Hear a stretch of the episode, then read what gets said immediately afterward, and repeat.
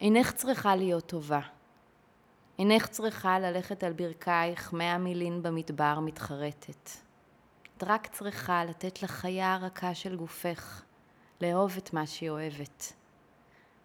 ספרי לי על ייאושך ואני אספר לך על שלי. בינתיים החיים ממשיכים, בינתיים השמש וחלוקי הגשם הצחים נעים לאורך הנופים. מעל המישורים והעצים העמוקים, ההרים והנערות. בינתיים אווזי הבר, גבוה באוויר, הכחול הנקי, חוזרים שוב הביתה. מי שלא תהיי, לא חשוב כמה בודדה, העולם מציע עצמו לדמיונך. קורא לך כמו אווזי הבר, צורמני ונלהב, מודיע על מקומך שוב ושוב במשפחת הדברים. היי היי, וברוכים הבאים לניצוץ, הפודקאסט שמתעסק במימוש, פוטנציאל ומציאת הקול האותנטי שלנו בעולם.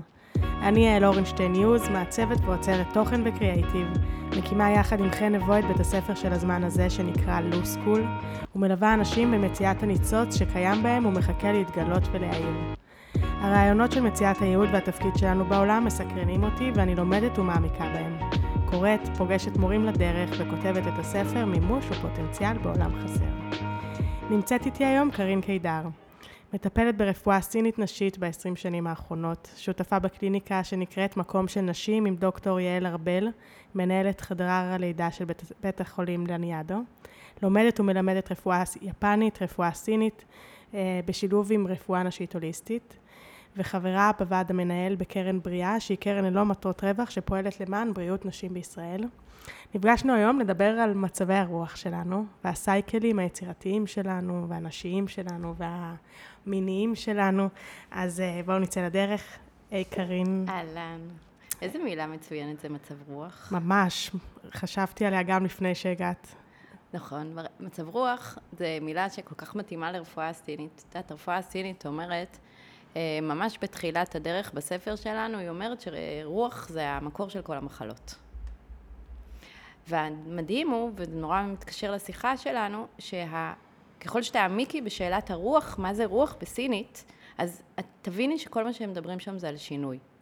אז הם אומר שם בצורה ברורה, בפרק השני של הספר שלנו, שינוי הוא מקור כל המחלות. וואו. וכשאנחנו אומרות על מה זה מצב רוח, כן. אז זה המצב של השינוי, נכון? כשאת שואלת את מישהו, איך המצב רוח שלך לאחרונה, אנחנו בעצם שואלות אותה או אותו, איך את או אתה מתמודד עם השינויים בחיים שלך עכשיו? Mm-hmm. מה המצב של הרוח? How is, how is the wind? גם wind וגם אני חושבת על זה בהיבט של spirit, כאילו מה המצב של ה spirit שלי, איך אני, איך אני מחזיקה את עצמי, מה קורה פה עכשיו, ועל השינויים של זה, זה באמת מתעסק גם בשינויים. וגם איזה יופי זה שרוח, הרוח הנפשית, כן. גם לה יש את אותם סממנים שאנחנו אומרים, את לא קבועה. רוח אינה דבר קבוע, אנחנו מצפות מהנפש שלנו אה, להיות אחת, להיות קבועה, להיות יציבה, שבעצם כבר בשם המילה אומרים לנו יציבות לא תהיה שם. זה הולך להיות רוח, רוח. כן. הולך להיות שם אה, סערה. מדהים. וכמה אנחנו מתווכחות עם זה כל הזמן. כששואלים אותנו איך מצב רוח, אז את אומרת, מה? נורא קשה לענות על השאלה הזאת. כן. ואת אומרת, זה בעצם, כל, ההתייחסות היא כל הזמן איך אני מתייחסת לשינויים בחיים שלי, כשהם כל הזמן מתרחשים. אין שום דבר קבוע בחיים חוץ מהשינוי, נכון? כן. זה לא אני המצאה שלי, המשפט הכל כך אה, פשוט הזה. בכל רגע נתון, כל הזמן, אני סורקת את הסביבה שלי ומחפשת אה, אה, מה קורה. ומה אני מחפשת? אני מחפשת מה השתנה מלפני שנייה. ואז התודעה שלי, לפי הניסיון חיים שלי, לפי האומץ שלי לחיות, לפי מה שקרה לי בחיים, עושה לי סימונים, בטוח לא בטוח. מסוכן, ואז לא להתקדם, או להילחם, כלומר, הדרכים שלנו להגיב לשינוי, או בטוח, proceed. כן. וגם הבטוח, אצל הרבה אנשים, בעיקר אצל הרבה נשים, נחווה כמשהו שהוא אה, מאיים. למה? הטוב הוא מאיים. מה הכוונה? אולי ייקחו לי אותו. ואנחנו בעצם, אני, כן, החיפוש הוא אחר איזה משהו יציב דווקא, כאילו אנחנו מחפשות משהו מוכר, לא, לאו דווקא על מה השתנה.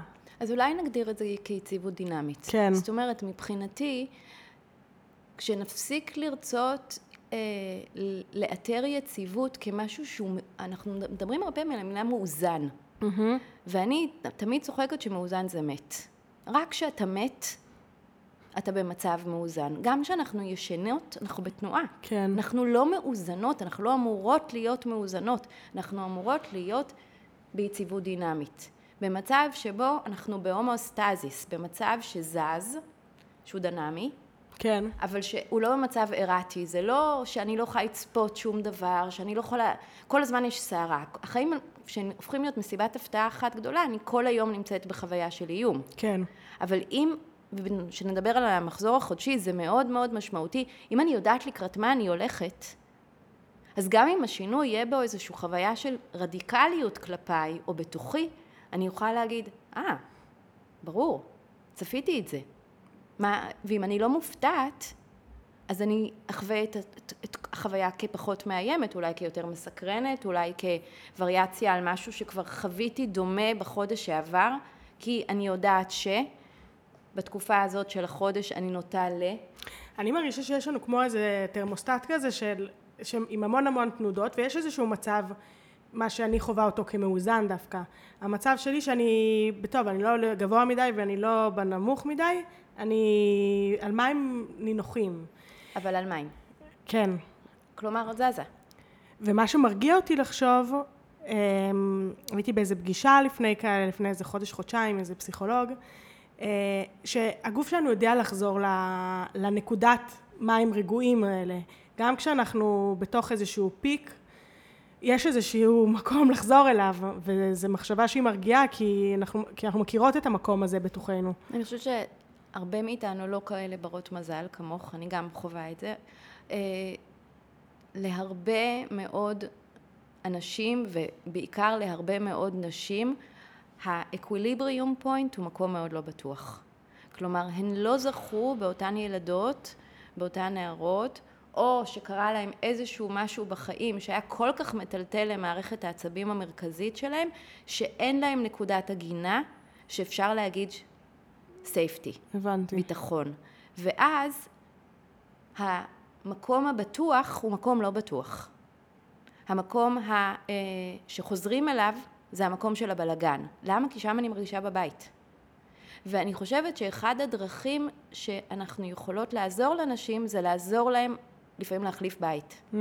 שהבית הישן שהם גדלו בו, בית שלמשל אה, הדרך להתקרב היא דרך חיכוך. כן. אני מכירה הרבה נשים שרק כשהן בחיכוך, שהן במלחמה, שהן במאבק, הן מרגישות שיש קרבה.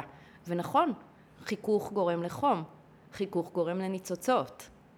נכון? במובן הניצוץ של ה... תהיה פה אש, מדורה. כן. אבל הוא לא בהכרח אה, חוויה של well-being. כן, כי הוא מאוד סוער. כי הוא סוער, כי לפעמים יש בו אה, פצעים, כי לפעמים הוא פוגע. כן. והדבר הזה של כשפוגעים בי אני מרגישה בבית, כשנוטשים אותי אני מרגישה בטוחה, כשאני נוטשת את עצמי, כשאני... ככל שנצליח לאתר שהנקודת אקוויליבריום הזאת היא נקודה שכדאי לחפש אחרת, mm-hmm. אני חושבת ששם נעזור ליותר ויותר אה, אנשים להבין את. הדבר הזה שנקרא מתח דינמי. יש אה, מחנך מאוד מאוד מעניין שקוראים לו פארקר אה, פלמר, שמעת עליו?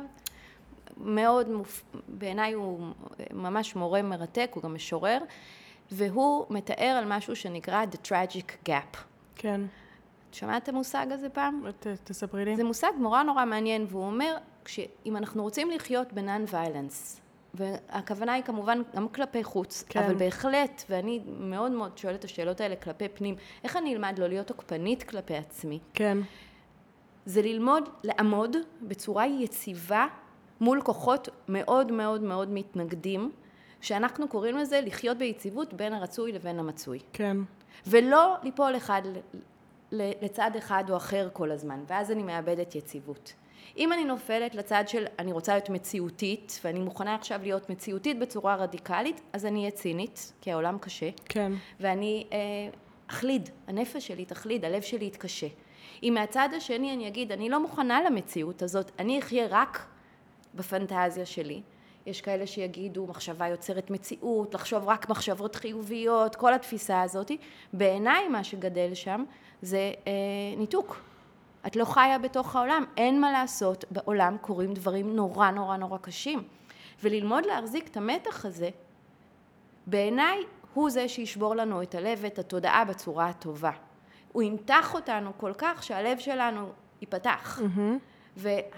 והדבר הזה שאנחנו כל הזמן מפחדים משברון, מפחדים אה, מ, אה, שדברים יאבדו לנו, והמחזור החודשי, תכף נדבר על זה, הוא כל הזמן אה, אה, מחזור של grief and relief. כל הזמן אני צריכה להתאבל כן. ולהתחיל מחדש. בואי נדבר On עליו. Going. אני רוצה, שנייה, עוד לפני שאנחנו מדברות עליו, אני מרגישה שיש לנו כל מיני אה, נושאי בסיס בחיים. אה, שאני לא מרגישה שיש לנו מספיק ידע עליהם. גם הנושא של נשיות באמת, והנושא שלנו כאימהות, והנושא של מיניות, והנושא של כסף, הם כל מיני נושאים, הם, הם מה שמחזיקים את החיים. נכון. אהבה. נכון. ואנחנו גדלות לתוך זה, אנחנו פועלות את זה מאוד מאוד באופן אינטואיטיבי. אנחנו חיות לצד זה, לצד המחזור, והיום אנחנו גם נדבר על, על הנושאים האלה, ננסה ככה להבין אותם קצת יותר טוב, להכיר את עצמנו קצת יותר טוב בהיבטים האלה. יאללה. ספרי לנו קצת יאללה. על הסייקלים האלה החודשיים שאנחנו עוברות. תראי, רוב החיים הבוגרים שלנו, אנחנו נהיה בתוך המעגל הזה. מאזור אה, גיל 11-12, כשהילדה תקבל את הווסת הראשונה שלה, ועד אזור גיל 50, זה המעגל שאת נמצאת בו. יהיה לנו בחיים בערך 450 מחזורים חודשיים. זה מספר מאוד גדול של דברים להתאמן עליו. ממש. וכמו כל דבר, אני חושבת ש-practice makes perfect. אבל בשביל to practice something, את צריכה ממש, מה שנקרא, לפתוח את המזרון. זה לא איזשהו attitude רעיוני, זה להתחיל לתרגל. כן. practice, להתאמן בזה. והבעיה הגדולה בעיניי שאנחנו חיות לצד זה, כן. זה אחד, חוסר אה, ידע. לא סיפרו לנו. כן. איזה ילדה את מכירה, היום אני שמחה להגיד שיש הרבה יותר ויותר, שהאימא שלה ישבה איתה וסיפרה לה על כל המעגל, ולא על הדובדבן האדום שבקצפת שנקרא רק הווסת. Mm-hmm. איזה אה, ילדה זכתה לראות אימא שחוגגת את המחזורים החודשיים שלה, שמדברת אליהם חופשי בבית, שמילים אה, כמו, חבר'ה, אני ביום ה-21 שלי שאף אחד לא ידבר איתי היום. משפט מאוד רגול, רגיל אצלנו.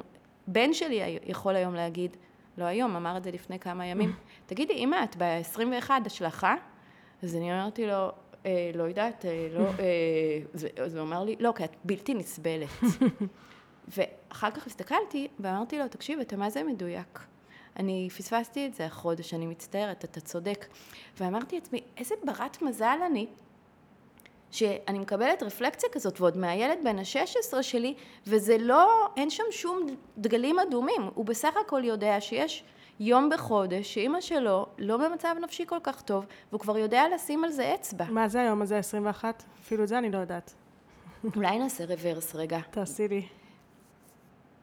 אני, אני רוצה לספר לך על המחזור החודשי, מה שנקרא אצלי, אני קוראת לה גרסת התיאטרון האדום. אוקיי. בסדר? אז תעצמי רגע עיניים. כן. ותדמייני שאת יושבת בתוך uh, תיאטרון, הווילונות האדומים סגורים עכשיו, אוקיי? וכל התיאטרון אדום כזה, אדום, אדום דם. Mm-hmm. ואני פותחת לך עכשיו לאט לאט את הווילון, ומה שאת רואה זה במה שמלאה במלא שמיכות.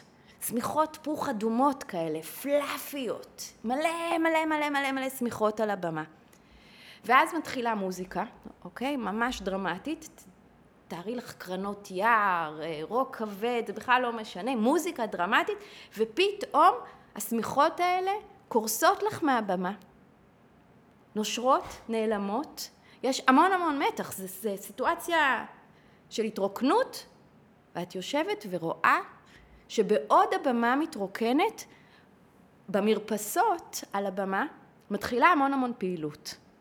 יש שם מלא מלא שחקניות באודישן, כל אחת מנסה לקבל יותר תשומת לב מהשנייה. אז אם רגע נתרחק כדי להתקרב, הבמה שלנו זה הרחם, המרפסות האלה זה השחלות שלנו, ואם תסתכלי, בצדדים של המרפסות יש שתי מגלשות שגולשות ישר לתוך הבמה, ישר לתוך הרחם. אז אנחנו רואות את האודישן, זה אודישן ממש משוגע, כן? הן מתחילות לצעוק, אני, אני, אני, אני, ובעצם הצעקות שלהן שולחות לנו מלא אסטרוגן על הבמה. והאסטרוגן הזה, אחרי שהבמה שלנו מתחילה להתרוקן, פתאום נוצרות עוד מלא שמיכות חדשות. זה הרירית שלנו. יש רגע מסוים שאת פתאום קולטת שהאור בא על שחקנית אחת, זאת השחקנית שנבחרה לנו לחודש, זה הגברת זקיק שלנו, אבל תראי איזה גוף גאוני, הזקיקות האחרות לא הולכות לשום מקום, הן נשארות, קצת בסבבה, לא מנסות עכשיו, כי הם הבינו שהן באודישן הזה לא, אין, הלך עליהם, הן שולחות לה גם אסטרוגן, מוחאות לה כפיים, אומרות לה, go girl, ביונסה, תשאירי לנו. היא מתחילה לשיר, והאסטרוגן שלה כל כך חזק, שבשלב מסוים המוח אומר לה, אוקיי, קחי, בבקשה, אנחנו... ליב און, אנחנו רוצות לראות אותך. ואז יש רגע סופר דרמטי, המוזיקה מה זה משתנה, ומתחיל מין, את יודעת, ג'אז כזה של לילה, ומתחיל להיות אווירה סופר סקסית על הבמה, את יושבת לך על הכיסא, את מרגישה את זה, מתחיל לקרות לך, את אומרת לעצמך, hmm, מעניין לאן זה הולך. וביונסה מחליקה במגלצ'ה, תוך החצוצרה, מלא התרגשות, ואת יושבת ומסתכלת, ואת מבינה שמהצד יש מלא זרעונים שבאים לקראתה, זה מלא מלא מלא, עולים אליה במגלצ'ה, ואחד בא ואומר לה, היי hey, מיסיס, וחודר אליה. הדבר המופלא של הפריה קורית, והם ממשיכים, ממשיכים לגלוש, ואת זוכרת, יש לנו כאן במה מלאה מלאה מלאה שמיכות, החבר'ה שנהיו אחד, הולכים לתוך השמיכה וככה מתחיל הריון. עכשיו, אם לא פגש אותה מיסטר אה, ג'יי זי, או לא יודעת אם היא היום, על המגלצ'ה, היא תגלוש לה. אותו גופיף צהוב, חבר התומך שנשאר ומפריש פרוגסטרון בחלק השני, נשאר לשמור. הוא הבין שאין הריון, אז הוא אומר, טוב, יאללה, אני הולך לים.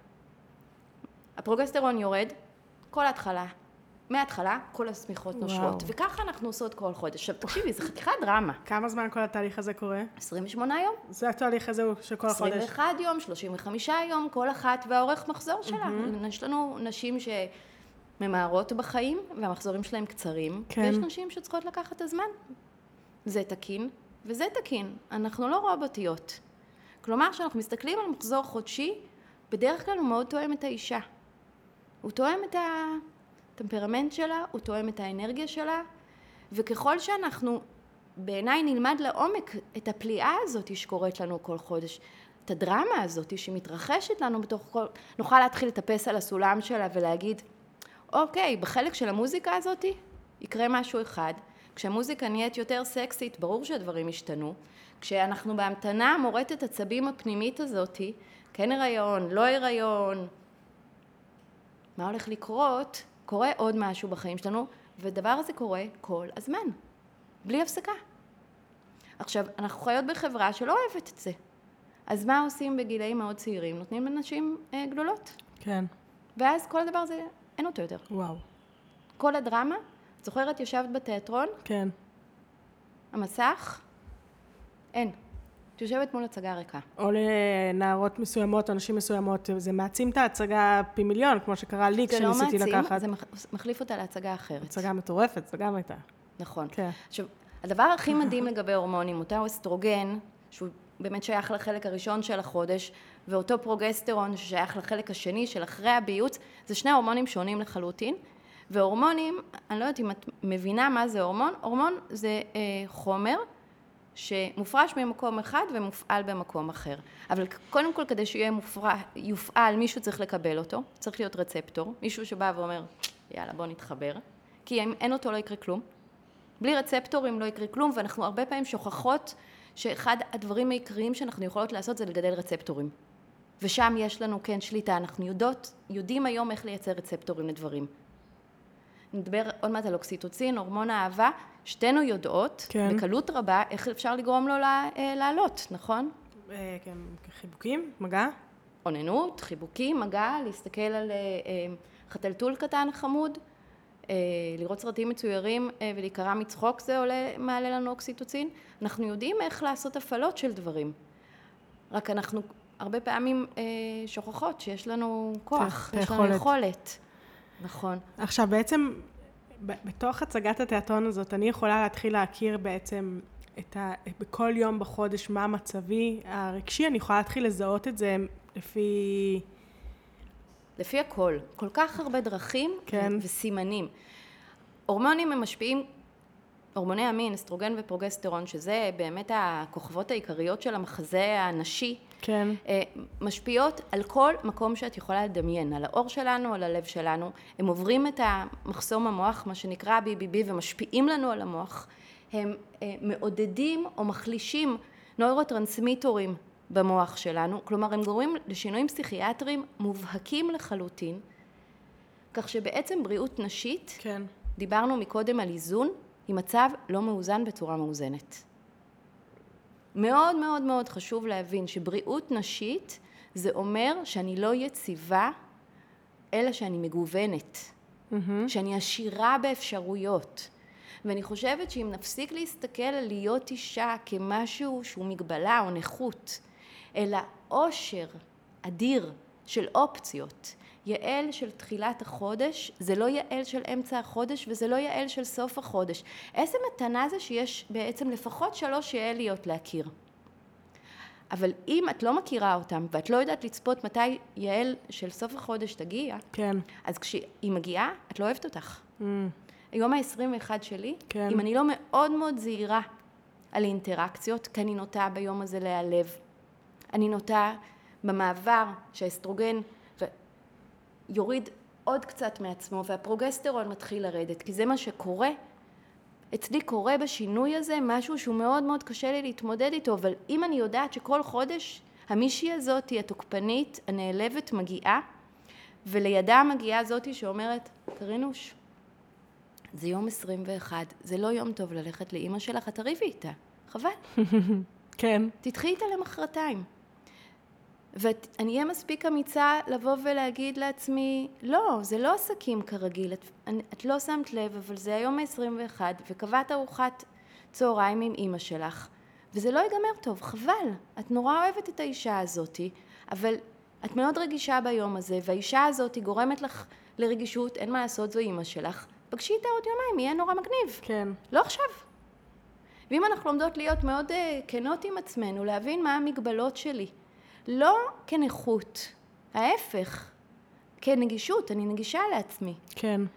אז אני יכולה לדעת uh, להיות יותר נדיבה עם עצמי, ואגב, גם עם הזולת שלי.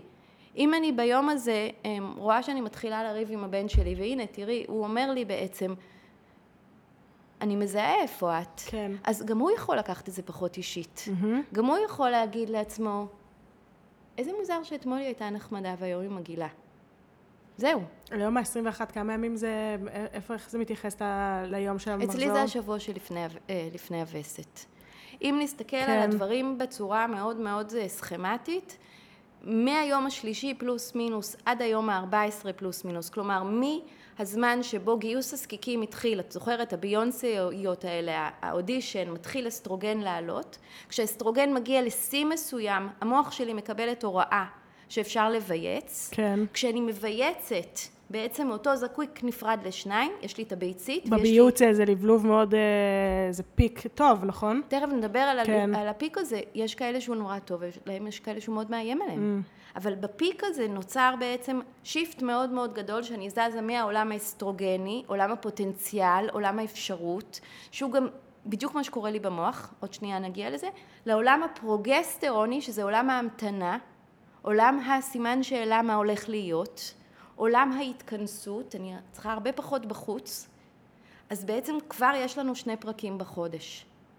הפרק של האסטרוגן זה פרק מאוד מאוד רווי במוטיבציה. ולמה הוא מאוד רווי במוטיבציה? אחד, ביולוגית. תחשבי על זה שמה שהגוף שלי רוצה זה אה, הריון. נכון? הישרדות. Mm. ש- הישרדות אני, המינים. אני רוצה שרגע ת- תסדרי לי את זה, ב, אני עוד לא מצליחה להבין את זה ב... בגרף? כן, ביומן. אוקיי, התחלת לדמם. אוקיי, דם, דם, דם, דם. נתחיל נכון? משם.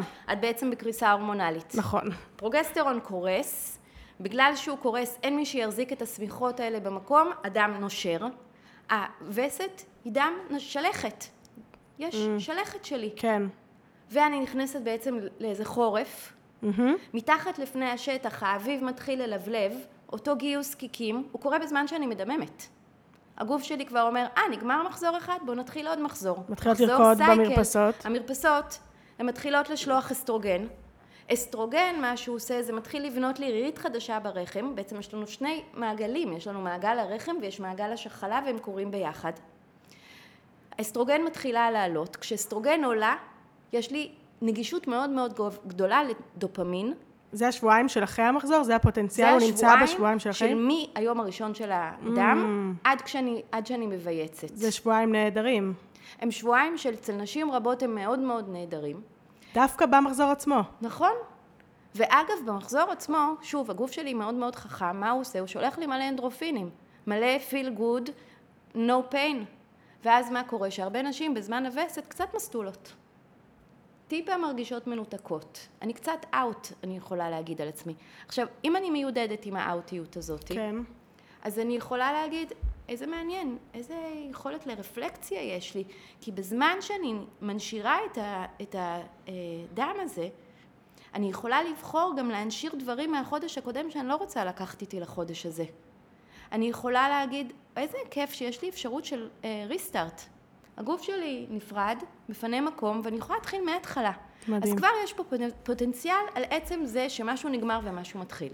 אוקיי. אבל האסטרוגן, שהוא נורא גאוני, מה הוא עושה? הוא מנגיש לי סרוטונין, שזה אותו הורמון שגורם, נוירוטרנסמיטר שגורם לי להיות אחלה וסבבה, אבל הוא גם גורם להפרשה מוגברת של דופמין.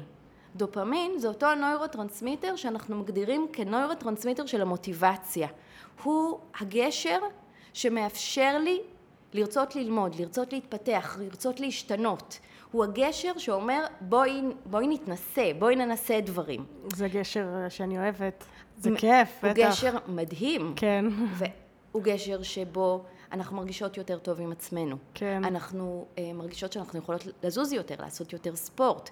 כיוון שסרוטונין ודופמין ואנדרופינים גורמים לי פחות לסבול מכאב, אז אני גם יכולה לעשות ספורט שהוא בסיטואציה אחרת, אני אגיד, יואו, איזה סבל. אבל למה כואב? אבל כואב לנו גם בימים האלה, יש כאב. של ה... בימים של הדימום, כן. אני רוצה, כאילו, יש משפט שאני חושבת שחשוב לזכור אותו, כן. זה שמה שנפוץ הוא לא בהכרח נורמלי. Mm. וסת לא צריכה לכאוב. יעל וסת לא צריכה לכאוב, וואו. נקודה. חוסר נוחות לחצי יום, כן. וחוסר נוחות זה משהו שלא ידרוש אדוויל. זה ידרוש ממני להוריד הילוך. זה ידרוש ממני לא לעמוד כל, יום על, כל היום על הרגליים. זה ידרוש ממני להגיד, חבר'ה, אני בווסת, תדאגו לארוחת ערב פה. אני צריכה לעשות מקלחת ארוכה. אני צריכה לשכב חצי שעה. זהו, זה, זה רמת הפגיעה באורח חיי היומיום שאמור להיות לי מעניין. מהמחזור שלי, מהווסת שלי. אבל את שמעת מה אמרתי? תראי כמה הרבה דברים רוב הנשים לא יכולות לעשות. להגיד, לא, לא, לא, זה היום הראשון לווסת שלי, אני הולכת כן. לעשות פחות, אני הולכת לעמוד פחות, אני הולכת לעבוד פחות, כן. פחות, פחות, פחות, פחות. אני הולכת לאפשר לגוף שלי שיעשה מה שהוא צריך לעשות. וזה drainage, אני צריכה לתת לדברים ליפול. מה זה וסת? וסת זה נשירה, זה שלכת, זה לתת לדברים ליפול. מה יוצא שם? איזה... מה אנחנו משחררות בימים האלה? רירית. הגוף שלי מייצר רירית חדשה. כן. שמיכת הפוך הזאת שתאפשר לתינוק. מתנקה גם? מה מלוכלך? למה מתנקה? כי את אומרת אה, ככה, זה כאילו, יש פה מלא, נפתח מלא אפשר פוטנציאל לקרוא להתחיל לזה מחדש. אולי טיהור אנרגטי, כן. אבל אני מסרבת לכל מה שיתאר את הגוף שלי כמלוכלך. כן. הדם שלי הוא לא מלוכלך. הדם שלי הוא דם טהור, דם הווסת זה הדימום היחיד שקורה לאדם, כן. שהוא דימום של בריאות. כן. עכשיו, הגוף שלנו אגב הוא מאוד חסכן, שני שליש מאותו תרירית הוא סופג חזרה, ושליש הוא מנשיר. מנשיר, כן. אבל זה נשירה. תגידי, שאת עומדת מול עץ והוא עושה שלכת, את אומרת, אוי ואבוי, איך הוא מאבד את העלים האלה? הוא מתנקה מהעלים? לא, אנחנו לא מסתכלים כן. על שלכת כניקוי. אנחנו אומרים renewal, משהו שנפרד ומתחיל מחדש. אבל הקונספציות שיש לנו על הווסת, גם כשאנחנו מתעוררות מהן, הן עדיין מוטבעות בנו כל כך עמוק. כן. הרעיון אה, שהאדם הזה זה דם שצריכים להסתיר אותו, שהוא דם מלוכלך, שאני מתנקה. אצלי זה הפוך דווקא, הקונוטציה של ניקיון דווקא אה, יכולה לעזור לי אה, להתחבר אליו יותר, כי אני מרגישה שהגוף שלי עובר איזושהי טרנספורמציה, עובר איזשהו שינוי, הוא מוציא את מה שלא צריך להיות. יוצא באופן טבעי, ואני יכולה להתחיל מחדש, כמו שאת הגדרת את זה מקודם, זה ממקום כזה. זה ממש נגיד, היית עכשיו פותחת מגירה, כן. אוקיי? ומוציאה כל מיני ניירות שאת לא צריכה יותר. כן. הם לא זבל, הם לא פסולת, את פשוט לא צריכה אותם יותר, את יכולה לשים אותם בשקית, ושהם יהפכו להיות משהו אחר, נכון? כן. אז זו התפיסה שלי. אני לא אה, אומרת שאני צריכה לשמור על אדם הזה, כן. אני רק אומרת, אסור לי לקרוא לו בשם של משהו מלוכלך, זה כן. לא יפה. ברור. זה דם שהיה אמור לשרת את המטרה הנעלה של לאפשר לי להרות, והגוף שלי החודש לא הרע. כמה, הוא כמה ליטרים אה, של דם, אה, את יודעת להגיד? בין 20 ל-80 מיליליטר במקרה ביום? הדרמטי. לא, לא, לא, כל הווסת. אני הלכתי כלום, ל... אני יודעת. זה ל- ממש מעט מאוד. אה, באמת? זה בין ארבע כפיות, כפיות, לכמה כפות. אנחנו לא מאבדות באמת הרבה דם. מעניין. נכון, אבל בנוסף לדם יש עוד הרבה הרבה אה, נוזלים כן. שמופרשים, Mm. ולכן זה נראה הרבה. הבנתי. עכשיו, תקחי חצי כפית דם, כן. ותערבבי אותה פה בחצי כוס, כן. זה יראה כמו חצי כוס בטח. דם, נכון? זה נראה די דרמטי. כן. אז הדרמה הבנתי. היא הרבה פלזמה, זה מעט מאוד דם באמת. אה, אין שם אוקיי. באמת הרבה דם. אז אותו אסטרוגן כן. באמת, עד הזמן של הביוץ, גורם לי להיות נורא נורא במוטיבציה, נכון? כן. אבל בביוץ קורה משהו נורא מעניין, והגוף שלי מפריש הורמון שנקרא LH, luteinizing hormone, הורמון הביוץ, אבל הוא גם מעלה לי את הטסטוסטרון. סביב הביוץ יש לי הרבה טסטוסטרון יחסית לזמנים אחרים בחודש. טסטוסטרון זה אותו הורמון שיש לגברים ממנו נורא כן. בשפע. הורמון שגורם להרבה הרבה פעולה שהיא פעולה אה, ליניארית. From point A to point B. הזמנים שאנחנו הכי נקרא לזה אפקטיביות במובן המערבי, יצרניות, יכולות לייצר פעולה, לייצר, זה אזור הביוץ. שזה בעצם סביב השבועיים אחרי... אמצע החודש בערך. אבל זה בהתייחס ליום הראשון של המחזור, זה שבועיים בערך אחריו? פלוס מינוס. עקרונית, החישוב הוא תמיד חישוב הפוך. הזמן הפרוגסטרוני הוא בהכרח די קבוע, הוא בין 12 ל-14 ימים. חיי המדף של הגופיף הצהוב, אותו חבר שנשאר על המרפסת כדי להגיד לביונסה you go girl, אותו חומר שמפריש פרוגסטרון, הוא נשאר בשחלה, במרפסת, יש לו חיי מדף של בין 12 ל-14 ימים, אלא אם יש הריון, ואז המוח אומר, חמוד, חייב להישאר עוד קצת. עד שהשליה תהיה, אתה תשמור על ההיריון. פרוגסטרון, מילה מגניבה, פרו-הריון, זהו, זה המילה, פרו-ג'סטרון, פרו-הריון. אז לא, יש חיי מדף של 12 עד 14. אז אישה שיש לה מחזור חודשי של 28 ימים, מבייצת בערך ביום ה-14.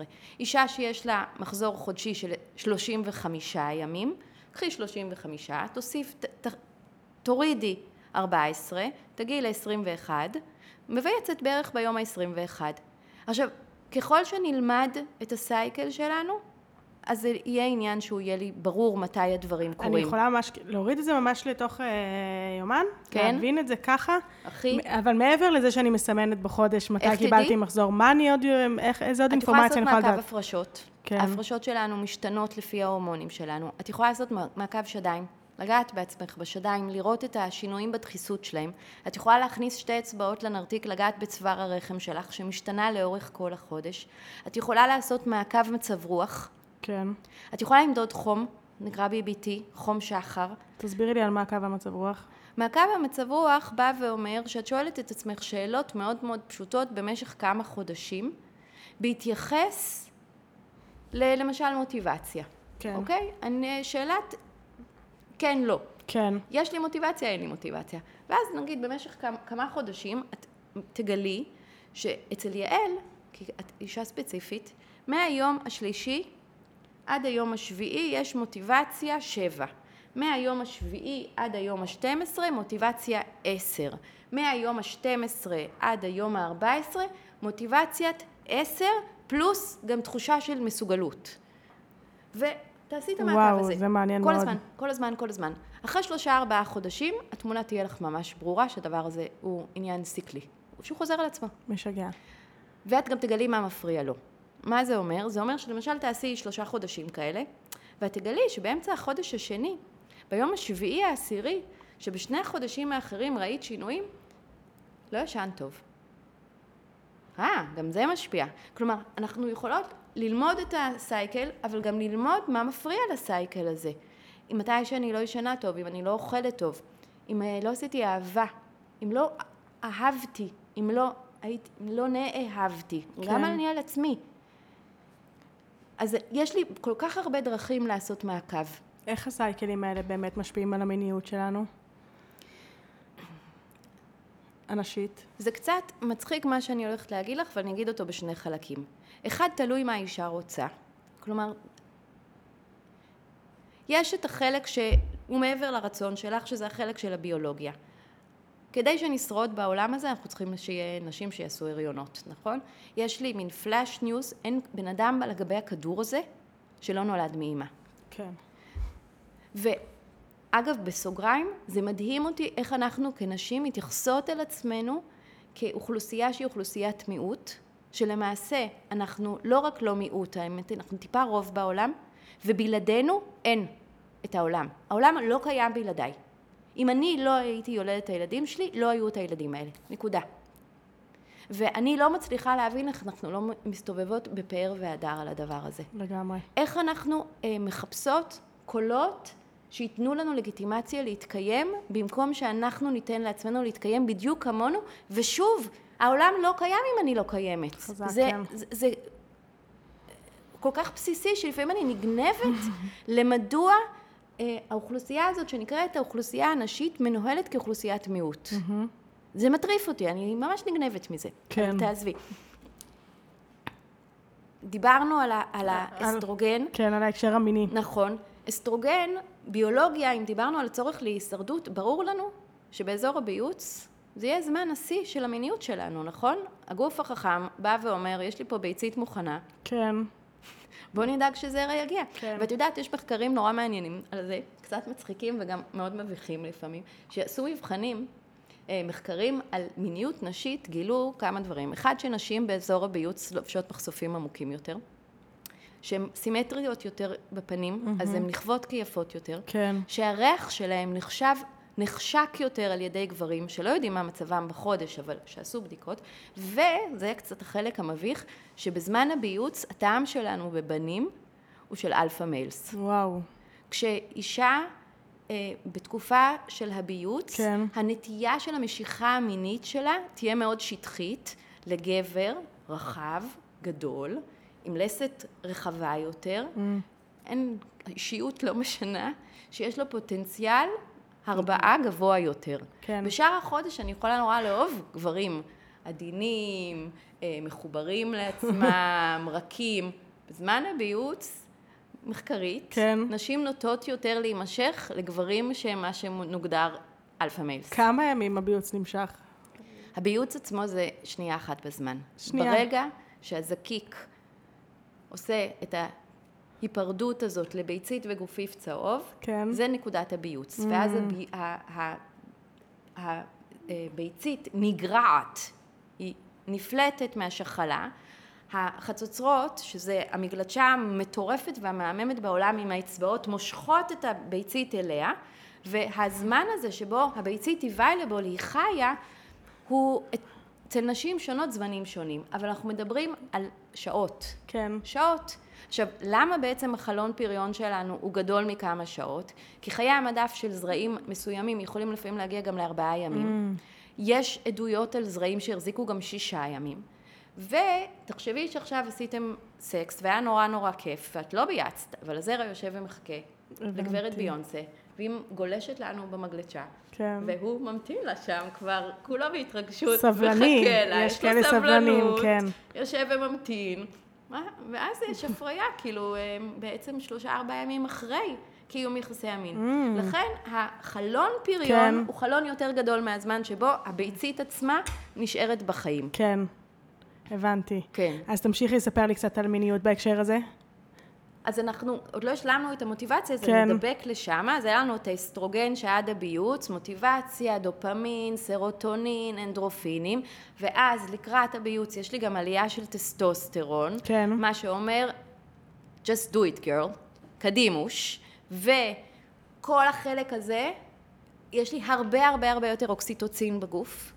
שוב, הגוף החכם שלי בא ואומר, אני הולך לבייץ, אני הולך, אנחנו, עוד מעט יהיה לך פה ביוץ, בוא נדאג שאנחנו נמצא מייט. כן. נמצא מישהו שלעשות את זה איתו. אז אני הרבה יותר נחמדה, אני רוצה אינטראקציה עם הזולת. אם הבן זוג שלי מופיע ביום השביעי לחודש ובא ואומר לי, הזמנתי חברים לכדורגל, אני אגיד לו, מגניב, להכין לכם פיצה? כן. כן, יאללה, בכיף. אלה כאילו. שבועיים נהדר, נכון. אלה שבועיים... אה, ש- מעולה. כן. ואז אני מגיעה לביוץ שלי, כן. שזה זמן מאוד מאוד חזק אנרגטית. כן. עכשיו, אם אני מנוהלת עם אמצעי מניעה שאני בטוחה בהם, זה זמן שאני אה, יכולה מאוד מאוד ליהנות ממיניות. כן. אם אני חוששת מהיריון, זה זמן שבו אני יכולה מאוד לחשוש ממיניות. אם אני רוצה הריון, אני יכולה, אם אני אה, מסוגלת להכיל את זה, להיות בהתרגשות, ואם אני כבר מנסה הרבה חודשים, אז זה זמן שיש בו הרבה מאוד מתח. מתח כן. זה הורמון שלא מאוד נעים לנו בגוף. אז הזמן של הביוץ, אני קוראת לו הזמן המאוד אמביוולנטי, תלוי איפה אני בחיים, ותלוי מה רמת הביטחון שלי לגבי אמצעי המניעה שאני אה, משתמשת בהם. ואז אני עוברת לתקופה הפרוגסטרונית. פרוגסטרון זה הורמון עם יחסי ציבור אה, לא טובים, אבל זה הורמון מאוד מאוד מאוד חשוב.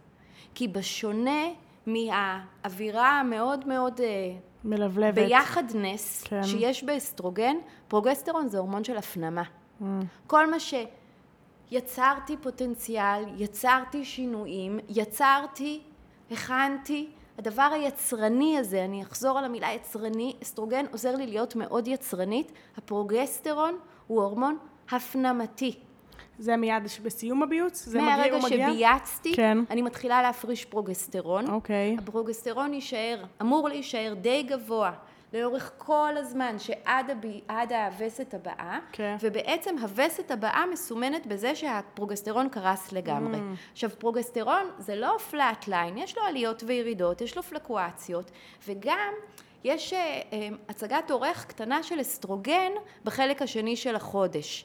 עכשיו, את שמה לב שבעצם אנחנו מדברות פה על דרמה מאוד מאוד גדולה. כן. אז גם יש את החומרים עצמם, שלכל אישה יש אה, מערכת יחסים עם החומר, עם אסטרוגן. יש נשים שמאוד משגשגות באסטרוגן, יש נשים שאגב מאוד מאוד משגשגות בפרוגסטרון. החלק הקשה בעיניי הוא זה שאנחנו כל הזמן תחת שינויים. כן. אם זזתי משבועיים של המון המון מוטיבציה וחוויה שאני יכולה על הכל, ופתאום אני מתעוררת לתוך עולם הפרוגסטרון שאומר לי, קארין, הרבה פחות. פחות אינטראקציה. הבן זוג שלי יגיע באמצע החלק השני של החודש עם שלושה חברים שהוא הביא לכדורגל, אני, אני ממש, בטח שאני לא אזמין להם פיצה, בטח שאני לא אכין להם פיצה, אני אחרי זה אריב איתו על למה הוא לא דיבר איתי מראש, כי פרוגסטרון זה הורמון שאומר אני רוצה בית. עכשיו ביולוגית, אם נבין את זה, אם היה בעצם בזמן הביוץ הפריה, אז הגוף הגאוני שלי בא ואומר, אלה שבועיים נורא נורא חשובים, אני רוצה לאפשר מקסימום אפשרות לעובר הזה להתקיים. בוא נדאג שלאישה הזאת תהיה הרבה פחות הפרעות, כן. פחות אינטראקציה, פחות, אה, היא תצא החוצה פחות, היא תהיה פחות בסכנה. בוא מעניין. נשאיר אותה בתוך המערה שלה. עכשיו, אם את מוכנה להתיידד עם המערה, ולבוא ולהגיד, עשיתי המון בחוץ בשבועיים האלה, יצרתי המון הזדמנויות, קידמתי המון דברים, עכשיו מגיע הרגע של לתת לדברים לשקוע, לתת לה, אה, לדברים לנוח, להניח אותם, לרווח, לתת לדברים רגע זמן. אז אני יכולה נורא לשגשג בזמן הזה. אבל הזמן הוא הזה של הפרוגסטרון זה זמן של אינטרוספקטיבה, mm-hmm. מתבוננת פנימה. אם הייתה לי הרבה אינטראקציה כן. בחלק הראשון של החודש, החלק השני של החודש הוא מצב של איתור פרספקטיבה פנימית. התכנסות. נכון, אז מי שיש לה מערכת יחסים טובה עם עצמה, כן. זה זמן שיכול להיות נהדר. מי שיש לה מערכת יחסים מורכבת עם עצמה, זה יכול להיות זמן שהאישה מרגישה כמו אריה בכלוב. עכשיו, פרוגסטרון גורם לעלייה מאוד משמעותית של נוירוטרנסמיטר שנקרא גאבה. גאבה זה נוירוטרנסמיטר שהוא מוריד חרדה. אבל יש שם משהו דואלי, ויש נשים שהנוירוטרנסמיטר הזה במינונים מסוימים גורם לחרדה. וזה מה שנקרא העולם של סימני השאלה על מה זה PMS, premenstrual mm. syndrome, התסמונת הקדם-וסתית כן. עכשיו, יש המון המון ספרים והמון עבודות ששואלים לגבי האם הדבר הזה הוא אמיתי, ומה זה אומר. ואני באה ואומרת, אחד הוא מאוד אמיתי, אבל הוא לא דבר רע. אם בחלק הראשון של החודש רציתי לקדם עניינים, רציתי להיות באינטראקציה, זה אומר שאני גם יכולה לעשות הרבה יותר העלמות עין, נכון? אני אומרת, בשביל לקדם את הפרויקט הזה, אני צריכה להעלים עין שהוא אמר לי משהו שלא היה לי נעים לשמוע. כן. או שהיא עצבנה אותי, או שהיה לה ריח שלא אהבתי.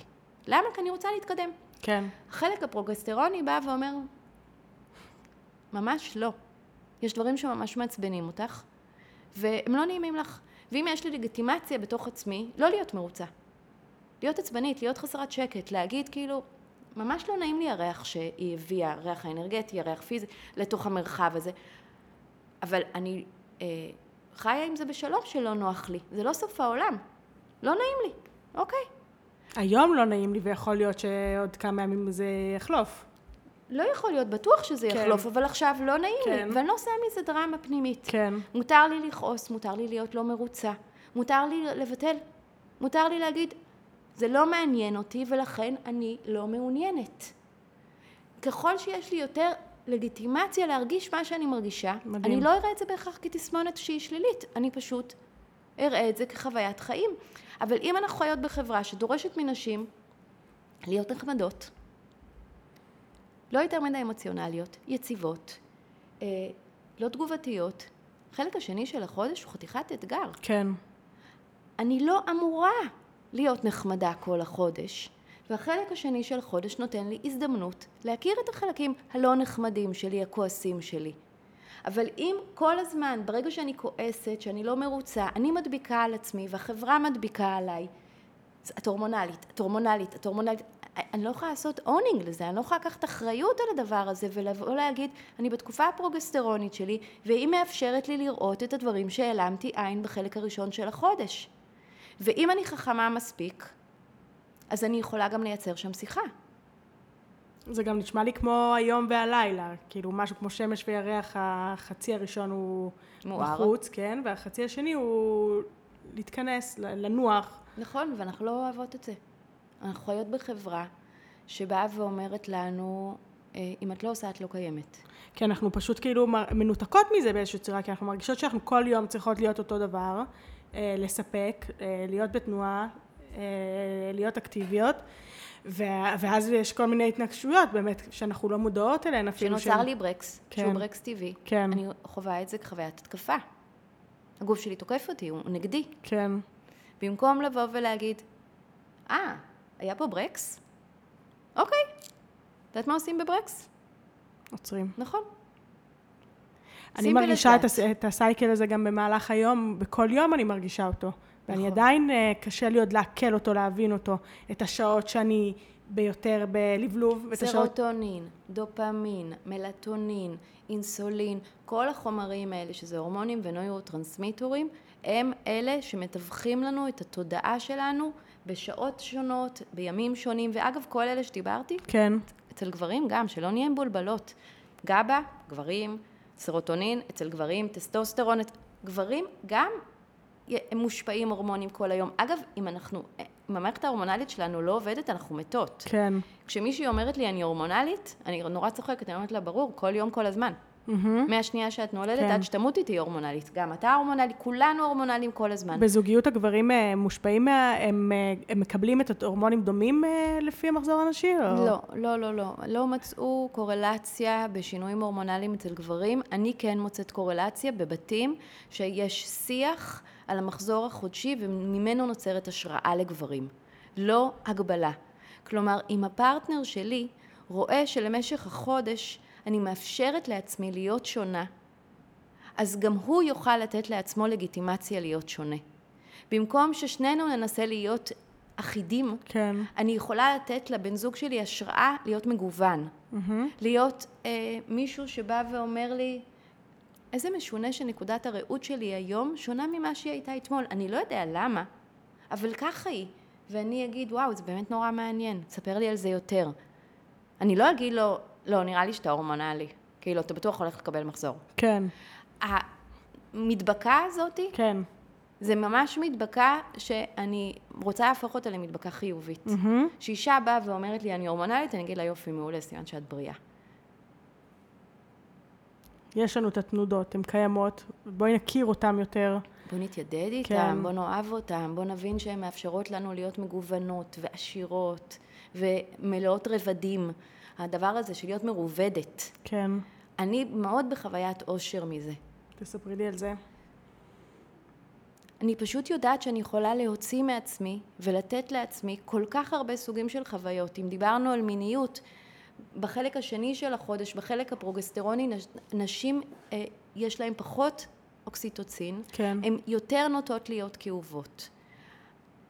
אבל אם הן מבינות את זה, והן יודעות למשל שמגע מיני עדין, נעים, יעלה להן את אוקסיטוצין, אז הן בעצם עושות סוג של האקינג, נכון? אנחנו יכולות לפרוץ למערכת. אם המערכת שלי נוטה להיות עם פחות אוקסיטוצין, אני יכולה לעזור לה לעלות. אני יכולה לשפר את ה-well-being שלי שמה.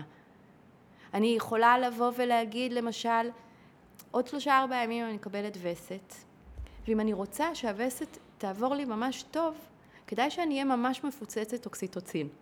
אז וואו, זה זמן טוב להגיד לפרטנר שלי, בוא, בוא נעשה אהבה היום. בוא נ... אולי אני לא רוצה חדירה, אבל אני לא חייבת אה, אה, שמין יכלול חדירה. אני, אגב, לא חייבת בכלל שהוא יהיה כולל מגע באיברי מין. נכון? מין יכול להיות אה, התלטפות ארוכה ומענגת רוויית אורגזמות ובכלל לא נגעו בפוט שלי.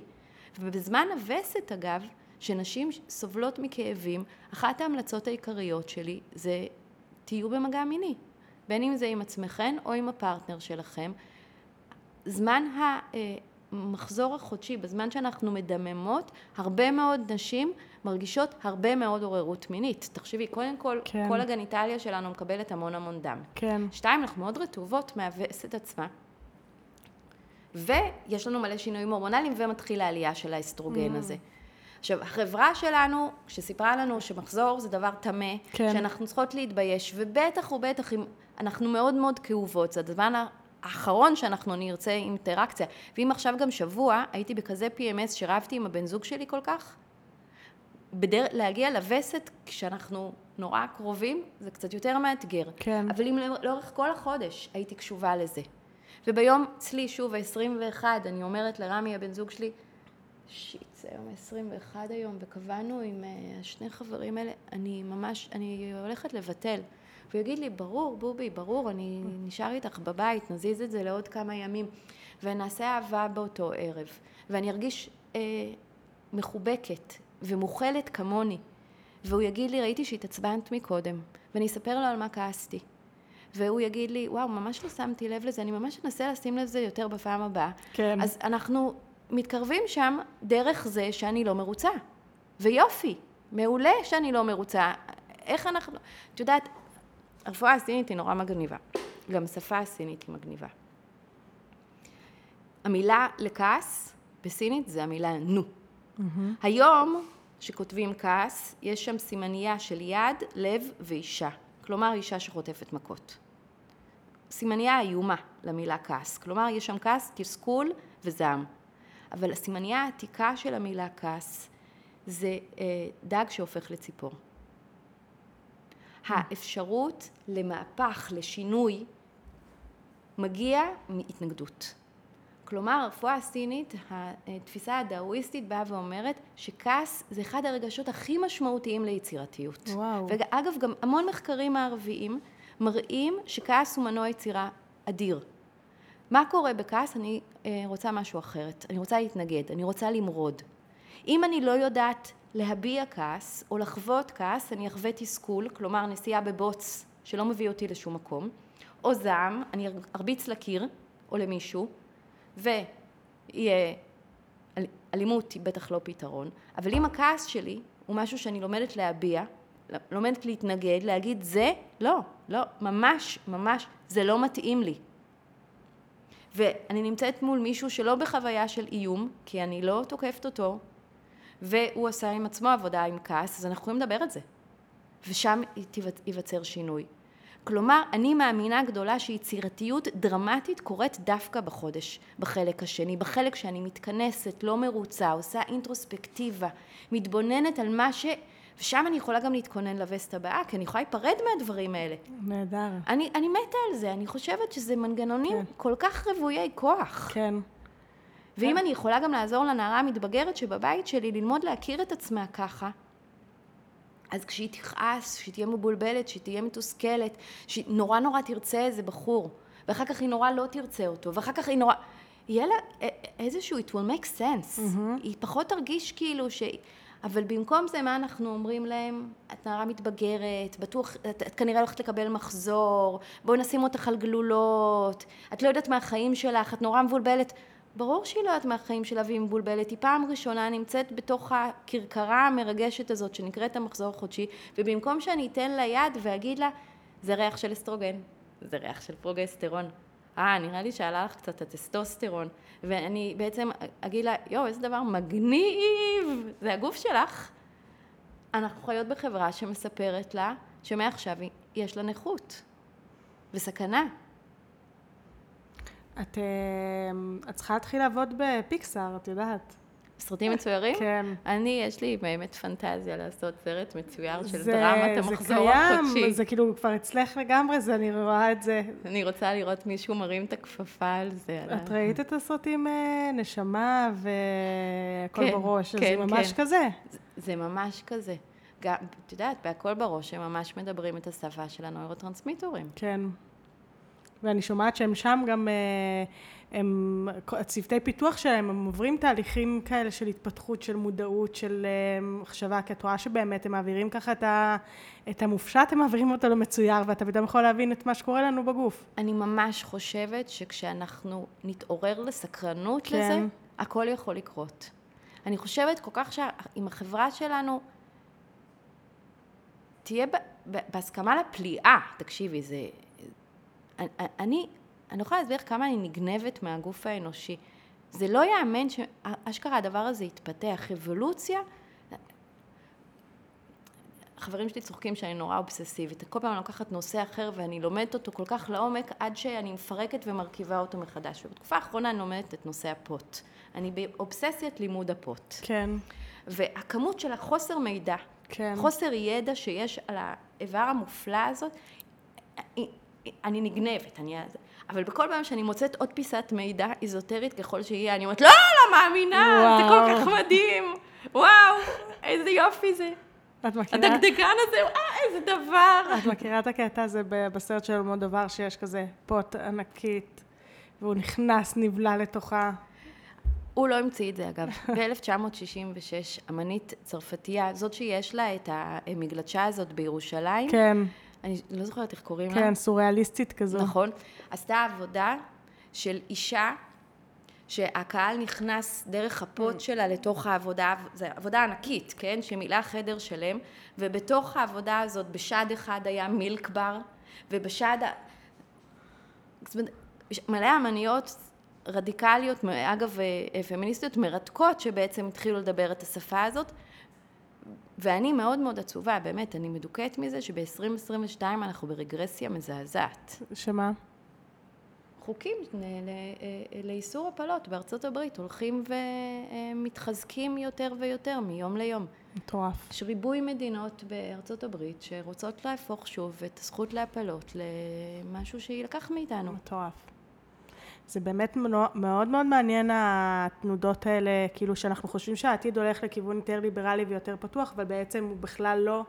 וזה הולך כנראה הוא קדימה עושה את ואחורה. שניהם כן, במקביל, את כן. אותו מה שדיברנו, את אותו tragic gap הזה, הוא הולך ומקצין, זה נורא קשה לעמוד ב gap הזה. כן, אני מוצאת את עצמי הרבה פעמים אה, אה, מתנדנדת בין להיות מאוד מציאותית, ואז באמת אני מרגישה שהציניות תוקפת כן. אותי, לבין לפנטז, ואז אני מתנתקת. על ללמוד איך אני מחזיקה את התסכול ואת, ה, ואת ההתרגשות מהשינויים שקורים, לראות את הנערות שעכשיו מתחילות לדבר על הדם ולצלם את הדם, כן. ומאוד מאוד מרגש אותי, ומצד שני לראות מדינות שהופכות, קורים פה דברים, מהלכים דרמטיים. כן. וקשה לעמוד שם. לפחות, אני מוצאת את זה, לפעמים מאוד מאוד קשה לעמוד בתוך הגאפ הזה, בלי שאני ארגיש אותו כל כך טרגי שאני ארצה לברוח. כן. כן, אבל גם לבחור, בעיניי זה לבחור גם איזה חלק מהמציאות אני מקבלת ומה אני מכניסה פנימה ומה אני שומרת על עצמי. כל, כל אחת וה, והשמירה שלה, אבל נכון. כמה מידע אני יכולה לקבל בכלל ולהכיל אותו ומה הוא נותן לי לדעת הכל. ההכלה הזאת היא משהו באמת מאוד משמעותי, להבין את הכלי. Mm-hmm. להתעסק ב... אה, להכיר גבול זה בעל משמעות כמו לשבור את הגבול. בעיניי, אם אנחנו לא נלמד את הגבולות שלנו, אנחנו לא נדע איפה אנחנו מתחילות ואיפה אנחנו נגמרות. זה בסדר גמור להזיז את הגבול. כן. זה בסדר גמור לפרוץ גבולות, אבל חייב קודם כל שיהיה גבול. להכיר אותו. שיהיה קו. כן. קו שאומר זה אני, זה לא אני. קו שאומר את זה אני רוצה, את זה אני לא רוצה. קו שבא ואומר אני לא רוצה ואני עדיין אעשה. כן. זה בסדר. כן. אבל אני חושבת שהדבר הזה, שאת מדברת על הכלה, הוא גם להבין שאני לא חסרת גבולות. כן, מה אני מסוגלת, לדעת מה אני מסוגלת, וגם, ואז לייצר משהו כזה שהוא קצת יותר שמור. ולכבד את זה. Mm-hmm. כן. אנחנו, לצערי, ואני ממש חלק מה, מהפועלות הלא מספיק מכבדות, אני לא תמיד מכבדת את הגבול שלי. אני אה, מאמינה שאני לפעמים כל יכולה. כן. ואני אה, אני נכש, נכשלת כי אני לא אמורה להיות. זה, זה, זה, זה לחלוטין תקין שאני לא אהיה כל יכולה, אבל ה, לפחות הבית שגדלתי בו, שבא ואמר לי שאם את לא מצליחה משהו, תתאמצי יותר ובסוף mm-hmm. תצליחי. את הדבר הזה של pushing more ו-more and more and more, אני רק עכשיו מתחילה ללמוד שה-less and less and less הוא באותה, אה, אה, יש לו את אותו ערך.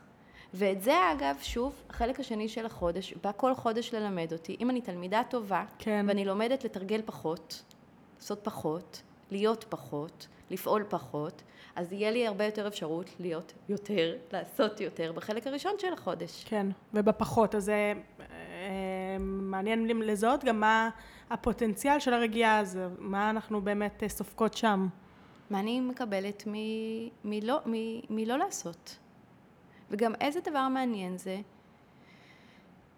להחליף uh, כיסא. אני יכולה להיות בחלק הראשון של החודש בכיסא של פועל בעולם, להיות חלק מהשחקנים, ולראות שבימים מסוימים, בחלק השני של החודש, אני עדה לחיים יותר מאשר פעילה בהם, אני מתבוננת עליהם, יש לי פרספקטיבה אחרת. וגם זה בעיניי זה, אה, זה אה, יתרון, זה לא חיסרון שלנו כנשים.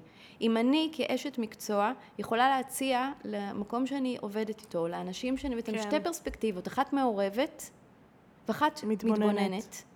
ובתקופת זמן מאוד מאוד קצרה. כן. נגיד את עושה עבודה עם ארגון, ואת אומרת לעצמך, אני רוצה לפגוש אותם פעמיים, פעם אחת בחלק המואר של החודש שלי, שבו אני מרגישה שאני חלק מהם, ופעם אחת בחלק היותר חשוך של החודש, שאני מרגישה שאני זרה להם. מעניין יהיה לראות את אותה חברה דרך העיניים השונות שלי יש. איזה, איזה תוספת אני יכולה להעניק לתהליכים, אם אני מכירה בשני החלקים, בזה שאומר, איזה מדהים, יש לי שתי האלה. נקודות ראות, כן. ואז היצירתיות שיכולה להיווצר מזה שיש לי שתי עיניים, שמייצרות פרספקטיבה, ויש לי עוד פרספקטיבה כפולה, אז אני כבר יכולה לייצר הבנה מרובדת, תלת-ממדית על דברים. מדהים. אני יכולה לראות מערכות יחסים שבאזורים מסוימים מאוד משגשגות, ובאזורים אחרים מאוד מתקשות, ושיהיה לי רעיונות איך לגרום להם לשגשוג לפי עיניים מעורבות ועיניים רחוקות. Mm-hmm. אני, אני ממש חושבת שזה מהמם. אני אנסה, אני, אני חושבת שזה שווה לעשות את הניסיון הזה ולהתחיל להכיר, להתקרב לעצמנו, זה נשמע לי...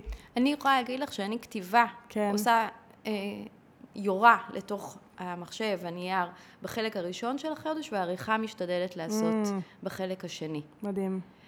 למרות שהחלק השני, ה-inner critic שלי, הרבה הרבה יותר חזק. כן. יש לי שוב פחות דופמין, פחות סרוטונין, יותר גבה, אני מתעייפת יותר מהר, אבל כשאני מיודדת עם ה-inner critic הזה, אני אומרת, אוקיי, עכשיו את רוצה להעיף הכל, את רוצה, את לא מרוצה מכלום, אוקיי. מה בכל זאת את אה, חושבת שכדאי שיישאר? את יודעת, המקום הזה של, אוקיי, יש את הצליל הראשון, ואחריו יש עוד שכבה, ואחריו אוקיי. ואז למשל אני יכולה להחליט שבזמן הווסת, שאני בזמן התכנסות מאוד מאוד אה, עמוק, אני קוראת את אותו דבר עוד פעם, ועוד פעם. אני, אני חושבת שזה באמת משהו שלא כדאי לנו לפספס אותו. ממש, נשמע ככה. כן. כן. חבל שאנחנו לא יכולות לחיות ככה. כן? זה, אני רוצה להגיד בשיא הכנות. יש פה משהו אנרכיסטי, אה, כי לא, אה, אה, של, כן, נגד הקפיטל, כי אנחנו בעצם אומרות, אנחנו לא מכונות, זה ברור שאנחנו לא מכונות, אנחנו לא כל הזמן מייצרות את אותה תוצרת. מותר? מותר להרפות בשבועיים מהחודש? מותר להיות פחות יצרניות? מה, מה, זה, יש פה איזו התנגדות ככה לזרם, שאני כמובן מתחברת אליה, אבל היא שינוי תודעתי. אומץ. כן. דורש המון אומץ. אני, כמה שאני מנסה לתרגל את זה, אני רואה שזה מאוד מאוד קשה לי. זה מאוד קשה לי להודות, למשל, כשהם מזמינים אותי להרצאה, להגיד לעצמי, את לא מרצה ביום הזה. זה לא יום טוב להרצאה. אני מתקשה עם זה, אני כן, לפעמים בדיעבד רואה את זה מול היומן, ואני אומרת, מה, באמת, את באמת תזיזי את זה? כי... כן. בחודשים שאני בנאמנות גבוהה, כן. אני מרימה טלפון ואני אומרת, אה, אני רוצה להזיז את ההרצאה בשבוע, לכולם זה יצא יותר טוב. לא כדאי לכם אותי ביום הזה. בואו נקדים בשבוע, תאמינו לי, בביוץ אתם מקבלים הרצאה מעולה. מדהים. מעולה. אתם עפים עליי. כן. מחשוף. אבל ביום הזה של שבוע אחרי הביוץ, כן. אני נורא לא נחמדה. אנחנו, היה לנו כל כך הרבה נושאים שרצינו לדבר אבל עליהם. אבל הצלחנו, כן, הצלחנו לעקוב, ברור, להקיף. אבל את uh, נהדרת, כל כך חכמה ורחבת אה, אופקים ומדליקה כזאת. תודה. אני רוצה להודות לך על המפגש הזה שלנו היום. כן, ואני מאוד כיף. ממש, ואני רוצה להודות לכל מי שהיה פה איתנו היום בניצוץ הזה, ולבקש מכם שאם קיבלתם ערך, תפיצו אותו הלאה למרחקים, uh, תשלחו אותו לחברים וחברות שיכולות לגלות עניין. ונתראה בניצוץ הבא. להתראות. ביי.